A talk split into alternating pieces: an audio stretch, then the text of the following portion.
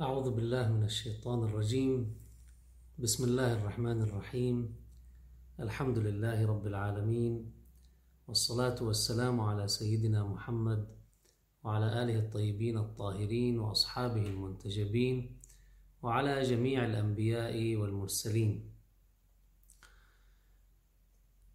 حديثنا في هذه الليلة عن بعض الظروف أو بعض المؤثرات الخارجية التي تدفع الإنسان تارة إلى الطاعة والاستقامة والتقوى والحكمة وتارة تدفعه إلى الانحراف وإلى التجرؤ على الله سبحانه وتعالى وإلى التهاون فيما أمر الله سبحانه وتعالى ونهى. من هذه الظروف التي يجب العمل عليها ويجب إعارتها اهتماما بالغا لأنها مرتبطة بالعاطفة من هذه الظروف الأصدقاء والصداقه لأن الصديق عادة يتخذه الإنسان اعتمادا على انجذاب معين نحن ننجذب إلى بعض الناس نتيجة الهالة التي تحيط بهم على المستوى النفسي وربما بعض الخصائص الأخلاقية والسلوكية العملية وربما لأنهم يملكون نفوذ اجتماعي أو نفوذ سياسي أو ما إلى ذلك يرغب الإنسان عادة بالتماهي مع هؤلاء الذين يملكون بعض الخصائص التي لا نملكها. وبالتالي ينجذب الإنسان إلى إنسان آخر فيتخذه صديقا. ومعنى أنه يتخذه صديقا أنه يندمج معه في علاقة بحيث يصبح هناك حالة تفاعل على المستوى العاطفي إضافة إلى بشكل غير مباشر على المستوى الذهني الفكري وأيضا على المستوى الأخلاقي. وتأثر الإنسان بالصديق هو مسألة نعرفها جميعا. ولسنا بحاجة إلى أن نطيل الكثير آه، من الكلام حولها لأننا نعرف أن الإنسان عندما يندمج عاطفيا آه، ويحب إنسانا آخر فإنه يعيش معه حالة من العفوية يعيش معه حالة من التلقائية يعيش معه معه حالة تسمح بأن يتأثر هذا الإنسان بذلك الإنسان الآخر. وكم من أصدقاء في حياتنا آه، أخذنا منهم الكثير من دون أن نشعر. فجأة وجدنا أنفسنا بأننا تأثرنا بهم تخلقنا ببعض أخلاقهم. تأثرنا ببعض سلوكياتهم. طريقتهم في الحياة نظرتهم إلى الأمور بعض أفكارهم التي آه، ربما يعتقدونها تجاه قضايا كبيرة أو صغيرة آه، ربما قضايا لها علاقة بالإيمان. بموقعنا في الحياة قضايا ربما سياسية أفكار سياسية آراء سياسية اجتماعية وما إلى ذلك. تأثرنا بهم لماذا؟ لأنه هؤلاء أصدقاء. حتى من دون أن ندخل في عملية تفكير بيننا وبينهم بحيث والله ندقق ما يقولونه صحيح أو لا. عادة الإنسان الذي يحب يجعل كل شيء عند الطرف الآخر أمر مقبول. ولذلك في بيت شعر رائع وبمثابة الحكمة يقول وعين الرضا عن كل عيب كليلة بمعنى أن الإنسان عندما يرضى عن إنسان آخر فعينه عندئذ لا تعود ترى العيوب في الطرف الآخر. كما أن عين السخط تبدي المساوية بمعنى أن العين التي هي عين الإنسان الذي يكره الإنسان الآخر فإنه عندئذ ما بيعود بركز هذا الإنسان إلا على الجانب السلبي عند الإنسان الآخر. ما بيعود يشوف أي شيء إيجابي. هذه الحالة النفسية التي تكون بيننا وبين الأصدقاء تؤثر. وبالتالي إذا كان المطلوب من الإنسان أن يعير اهتماما بالظروف الخارجية التي تعينه على الطاعة من جهة وتبعده عن المعصية من جهة ثانية فمعنى ذلك واحد من أهم الأمور التي يجب العمل عليها هي الصداقة. من نتخذ صديقا؟ هل كل من ننجذب إليه نتخذه صديقا؟ وهل يجب أن نضع حدود تجاه ذلك؟ ما هي المعايير التي ينبغي علينا أن نستند إليها في سبيل اتخاذ هذه الصداقات؟ هذا ما سنحاول الاطلال عليه بشكل مختصر وكإشارات سريعة لنتفكر فيها في هذا الشهر لعلنا نستطيع أن نؤسس لذلك لأنفسنا قاعدة أو نقيم ربما بعض الصداقات التي اتخذناها في حياتنا لنعيد ترتيب آه، طبيعة علاقاتنا فيما بيننا وبين هؤلاء. هناك حديث عن أمير المؤمنين علي عليه السلام يقول خير إخوانك من دلك على هدى وأكسبك تقى وصدك عن اتباع الهوى. اذا هناك ثلاثة معايير أساسية يطرحها الإمام علي عليه السلام لخير الإخوان والمقصود من الأخ هنا هو الصديق الذي يتخذه الإنسان آه، صديقا له خليلا له آه، يعيش معه يندمج معه يحبه يوده آه، في علاقة بينه وبينه على المستوى الإنساني وعلى المستوى الأخلاقي والإيماني وما إلى ذلك. طيب من هو خير الإخوان؟ يقول المعيار الأول الذي يذكره الإمام عليه السلام هو أن يدلك على هدى. طيب إذا كان هذا الصديق سيدلني على هدى معنى ذلك أننا نفترض مسبقا أن هذا الإنسان لديه القدرة ولديه المعرفة والقدرة على التمييز بين الصواب وبين الخطأ بين الحق وبين الباطل بين العدل وبين الظلم بين الاستقامة وبين الانحراف. إذا هذا الإنسان لديه مجرد معرفة نظرية شعارات والله الصدق منيح الامانه منيحة الإخلاص منيح آه، لكن من الناحية العملية لا يميز في هذا الموقف بين موقف يحتاج إلى صدق وموقف يحتاج إلى آه، موقف هو صدق في حد ذاته أو موقف لا. هو فيه شيء من من الكذب والدجل والمراوغة والاحتيال وما إلى ذلك. بيعرف انه الرشوة حرام من ناحية نظرية ولكن لما بتجي بالحياة الوظيفية مثلا تأتيه هدية معينة يقول هذه هدية وليست رشوة. اذا التطبيق أمر مهم الذي يريد أن يدلني على هدى أو الذي أتخذه صديقا من أجل أن يدلني على الهدى في حياتي فهذا الإنسان لابد أن يمتلك نوعين من المعرفة. أن يمتلك معرفة نظرية على مستوى العناوين والشعارات يعرف ذلك ولذلك يستطيع أن يبين لي ويعرف لي بيعطيني ديفينيشن للقضايا من الناحية النظرية. الأهم من ذلك أن يملك أن يطبق هذه المعرفة النظرية على أرض الواقع بحيث ما بيضيع بين الأشياء خصوصا في الأمور التي عادة تكون آه، معقدة بطبيعتها مثل بعض العلاقات الاجتماعية. يعني مثلا آه، هناك مشكلة بين الزوج وزوجته أو بين آه، فرد من أفراد الأسرة مع فرد آخر. هذه العلاقات الإنسانية عادة تكون معقدة. كيف يملك عندئذ أن يطبق إذا ما أراد الإصلاح؟ في ناس بتروح بتصلح بين اثنين. شو بتعمل؟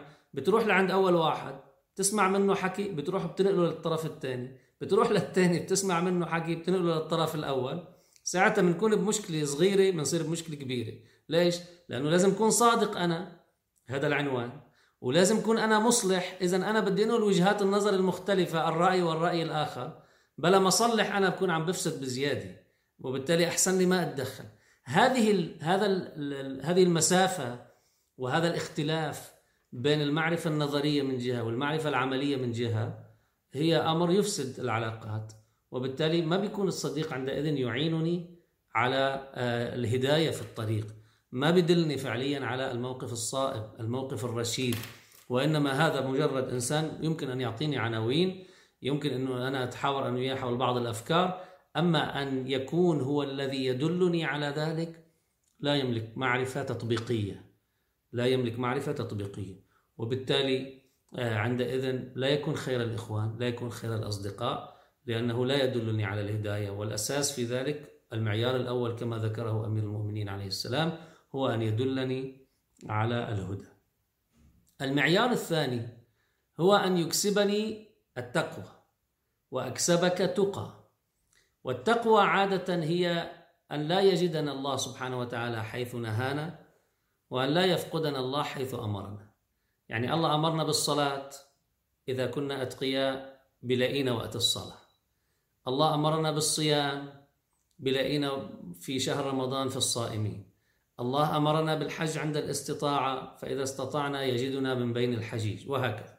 إذا الله حرم الزنا حرم الفواحش الله سبحانه وتعالى حرم الكذب البهتان الغيبة النميمة لما ينظر إلى هؤلاء الذين يغتابون الناس أو الذين يعصون الله سبحانه وتعالى لا يجدون بينهم.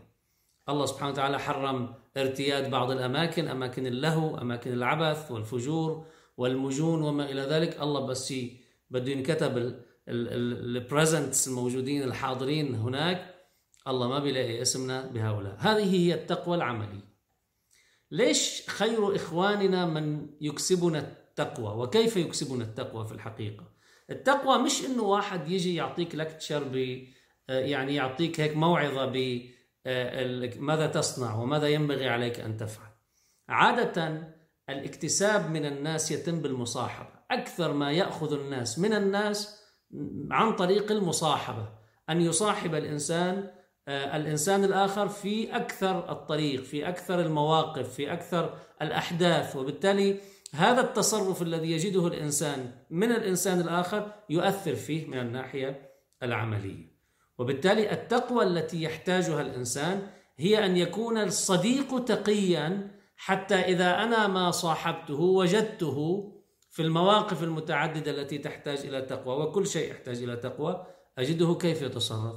وبالصلاة كيف يتصرف؟ بعلاقته مع الله سبحانه وتعالى كيف هو أداؤه؟ يخشى الله أو لا يخشى الله؟ يحرص على أمر الله سبحانه وتعالى؟ يغلب إرادة الله على هواه أو لا؟ إذا علاقاته مع الناس أيضا كيف يتصرف؟ أخلاقي ولا مش أخلاقي. يبدي الآخرين على على نفسه أو لا يبدي الآخرين على نفسه. بل نفسه هي الأساس عنده. هو المحور الذي لابد أن تدور حوله علاقة الزوجة والأولاد أو الزوج والأولاد وما إلى ذلك. بيجعل نفسه الإنسان أكسس والباقي كلهم لازم يدوروا حوله. هل هذا هو الإنسان أو لا؟ هو الإنسان التقي الورع الذي يرصد ماذا يريد الله سبحانه وتعالى. ما هي القيم التي يطبقها في حياته هون أنا لما بصاحب هذا اللون من الناس أنا بكون عمليا عم بكسب كل يوم تقوى. لماذا؟ لأن المصاحبة تؤمن لي احتكاك بالموقف العملي للقيمة الأخلاقية والقيمة الروحية والقيمة العملية. أنا عم شوفها قدامي. أنا عم شوفها متجسدة. جمال هذه الصورة الأخلاقية والقيمية وصورة التقوى والاستقامة قدامي بتخليني أنا أقدر أخذها هيك وبتنعكس علي بحسها بمشاعري وأحاسيسي وليس فقط عم يحكيني إياها نظريا. ولذلك المطلوب التقوى العملية. لا يكسبني تقوى إلا الإنسان التقي. يعني عمليا لازم أنا أكون مصاحب مين؟ مصاحب الإنسان التقي.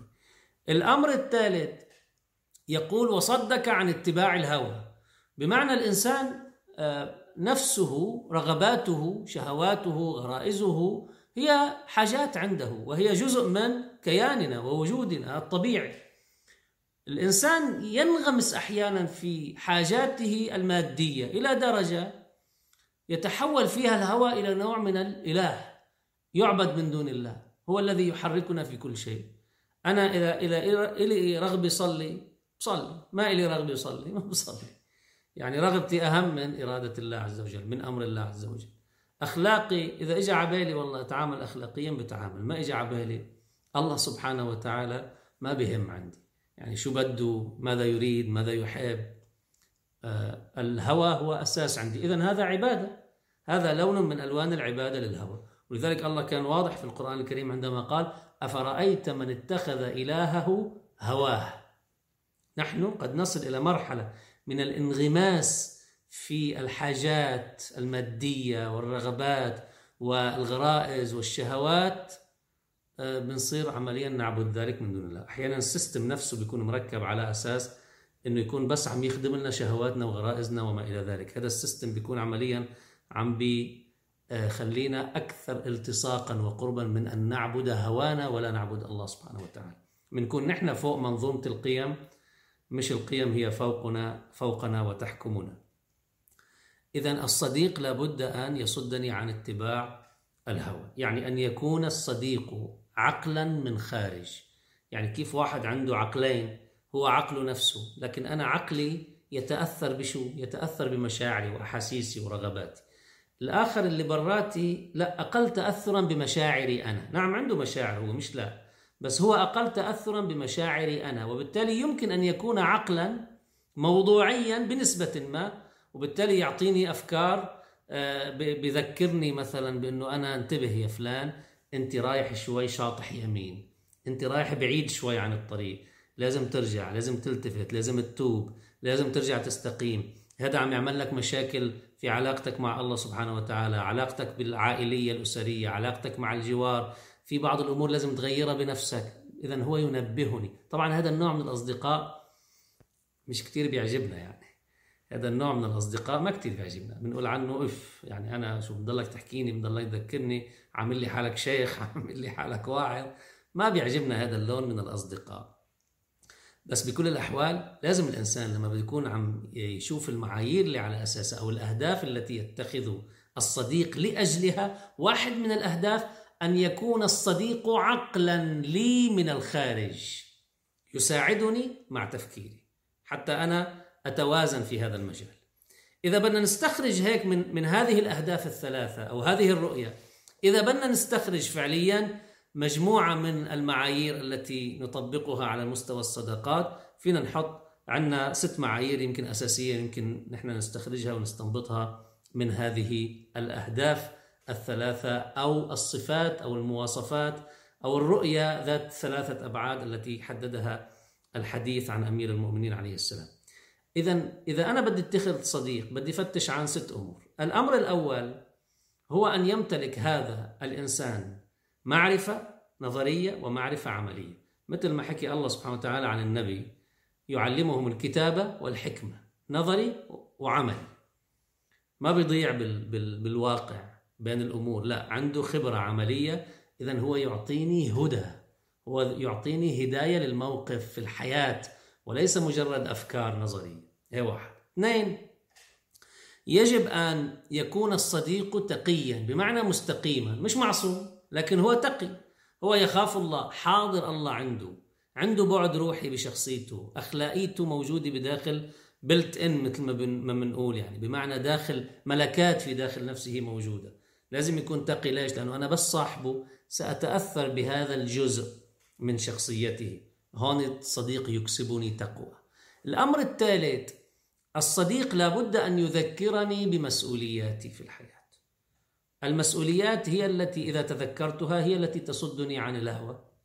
وبالتالي الصديق دائما بيقول لي انتبه مسؤوليتك هون واجباتك هون حقوق حقوق الآخرين عليك هون وهكذا. يذكرني بذلك. هلأ ما بنحب نستمع كثير لهؤلاء بس على كل حال إذا اعتاد الإنسان أن يكون مخلصا لله عز وجل ولنفسه ولقيمه بصير استماعه لهؤلاء الذين ينقدونه ويبرزون له عيوبه بيكون آه، استماعه بصير مقبول بنسبة ما. المعيار الرابع أنه يجب أن نختبر هؤلاء الأصدقاء. بمعنى أنه قبل ما نتخذ أصدقاء لازم نشوفهم آه، نستغضبهم. ربما بمواقف الغضب بنشوف كيف بيتصرف بضلوا أخلاقي ولا ببطل أخلاقي ما بيعود يشوف قدامه مثل ما بنقول. ما بيعرف الله سبحانه وتعالى ما بيعود بيعرفه وقت حالة الغضب. هذا الإنسان عندئذ الأخلاق شو بتكون؟ بتكون على سطح نفسه وليست في داخل نفسه. وبالتالي حتى أخذ صديق أندمج معه في العلاقة. لازم أنا على الأقل أختبره قبل لشوفه كيف بيتحرك. طبعا هذا الاختبار أساسي لكل شخص نريد أن نقيم علاقة معه لنعرف شخصيته من الداخل في حقيقتها. لما بيقولوا الماي بدك تشوفها إذا معوكرة ولا لا شو بتعمل؟ بتيجي بتحركها. إذا طلعت أوساخ بتكون الماي غير صافي. أما إذا حركتها وبقيت صافي فإذا أنت شو؟ أنت, أنت تستطيع أن تشرب وتتوضأ وما إلى ذلك. المعيار الخامس ما يكون الصديق بوجهين ولسانين عنده ازدواجية في العلاقة. جوات البيت شيء وبرات بيته شيء. يعني لازم يكون صادق وشفاف لأنه هذا الإنسان اللي نحن بدنا ناخذ منه وبالتالي نركن إليه الصداقة من الصدق. حتى نركن إلى هذا اللون من العلاقة لازم يكون الصديق آه، صادق وشفاف وأيضا أمين وليس ذا وجهين أو لسانين. المعيار الأخير هو معيار أيضا أساسي. لازم الإنسان بما أنه كلنا مش معصومين وأنا لما بيكون عندي أصدقاء كمان هول مش معصومين إذا أنا بدي أحدد بالضبط وين آه، عنصر مثل ما بيقولوا الكور الكور الصداقة وين؟ يعني الجوهر الصداقة وين؟ شو اللي جذبني لهذا الإنسان؟ ليش لازم حدد ما الذي جذبني إلى هذا الإنسان؟ وحدد كمان العناصر الثانية التي لا أوافق عليها في شخصيتي. لأنه هون أنا بكون عم حط عمليا آه، برسم نوع من الاحتياط نوع من الحدود. اللي فلكسبل آه، طبعا يعني مرنة. لكن هاي الحدود هي التي تجعلني آه، أحدد أين ستتدفق العلاقة بأي اتجاه. إذا بالجوانب الإيجابية اللي عنده بسمح لها التدفق لعندي بشكل عفوي حتى أتأثر فيها. لكن إذا عنده جوانب سلبية بشخصيته وأنا مضطر أن يكون معه بالنسبة ما يعني هو صديق لكن عنده بعض الخصائص السلبية إذا بهول الأوقات اللي بيكون فيها عم بيعبر عن هذه الخصائص السلبية أنا مفروض كون حاطط حدود مسبقة وإلا أنا بكون عم بتأثر. يعني هون لازم يكون التدفق من جهتي تجاهه وليس بالعكس. يعني بدي حدد عندئذ أنا تأثري بالصديق وين؟ بالعناصر الإيجابية. والعناصر السلبية عنده لازم تكون أنا عناصري الإيجابية هي التي تؤثر فيه وليس العكس. وهذا يحتاج إلى وضع حدود من البداية في العلاقة. أخيرا الله سبحانه وتعالى بحدثنا عن الصداقات يقول في قول الله تعالى عن يوم القيامة ماذا يحدث في هذه الصداقات وبالتالي إذا بدنا هذه الصداقات المستمرة كيف ينبغي أن نؤسسها؟ يقول الله سبحانه وتعالى الأخلاء اللي هن الأصدقاء يومئذ بعضهم لبعض عدو. يعني هذه الصداقة تتحول إلى عداوة يوم القيامة. الأصدقاء أو الأخلاء يومئذ بعضهم لبعض عدو إلا المتقين. إذا الصداقة مبنية على التقوى إذا هي مستمرة في الحياة الدنيا ومستمرة يوم القيامة. أما إذا الصداقة لم تقم على التقوى فلا بد للإنسان أن يعرف بأن هؤلاء الأصدقاء لن يقفوا معه يوم القيامة لن يحاموا عنا يوم القيامة. لن يتحملوا العذاب عنا يوم القيامة. إذا كانوا قادرين بالدنيا يخلصون من بعض المواقف والمطبات والمنزلقات لأنه عندهم نفوذ أو عندهم سلطة أو عندهم إمكانيات أو تأثير فإن هؤلاء يوم القيامة سيكونون هم بحاجة إلى من يدعمهم. وبالتالي قديش براهن الإنسان على الصداقة في الحياة الدنيا؟ براهن عليها في خط التقوى. أما بغير خط التقوى بده يعرف أنه هاي الصداقة زائلة يوم القيامة. فإذا كانت زائلة يوم القيامة إذا أنا نوع الصداقات اللي بدي أتخذها بحياتي ما هي؟ هل هي الصداقات التي أستفيد منها التي تجعلني أستقيم في حياتي أهتدي في حياتي أسيطر على هواي في حياتي تكسبني التقوى في حياتي أو لا؟ بالعكس. هذا هو الذي يحدد لنا الخط البياني لاتخاذ الأصدقاء وأيضا المعيار الذي أو المعايير التي على أساسها نتخذ الأصدقاء في حياتنا. التي نعيش فيها ونحتاج فيها فعليا إلى صداقات. يعني خلينا نقول بالنهاية آه، الصداقة واتخاذ الأصدقاء يحتاج إلى تخطيط وليس مجرد أمر اعتباطي. هكذا يعني بناخده for granted مثل ما بيقولوا. لا هناك صداقة لابد أن يخطط لها ويحدد لها حدودها وتختبر وعندئذ يسمح الإنسان بفتح العلاقة إلى أي مستوى أو بإبقائها في حدود معينة زمالة عمل زمالة دراسة أو لا صداقة حقيقية يندمج فيها الإنسان مع الإنسان الآخر. هذا الموضوع كتير حساس وهذا الموضوع يتصل بالظروف الخارجية اللي كنا عم نحكي عنها سابقا حول نبي الله يوسف عليه السلام لما حاول أن يشتغل على الظرف الخارجي حتى ما يضل ضاغط عليه إلى المستوى الذي يفقد فيه نفسه وإنما يعدل في هذه الظروف الخارجية من أجل أن يحفظ قيمه يحفظ دينه يحفظ علاقته مع الله سبحانه وتعالى A narration from Amir al-Mu'minin عليه السلام says خير إخوانك من دلك على هدى The best among your friends is the one who guides you وأكسبك تقى and leads you to gain piety وصدك عن اتباع الهوى and prevent you from following natural desires So uh, these three uh, uh, goals of the uh, of uh, taking uh, friends in our lives, and we need to to have friends in our life.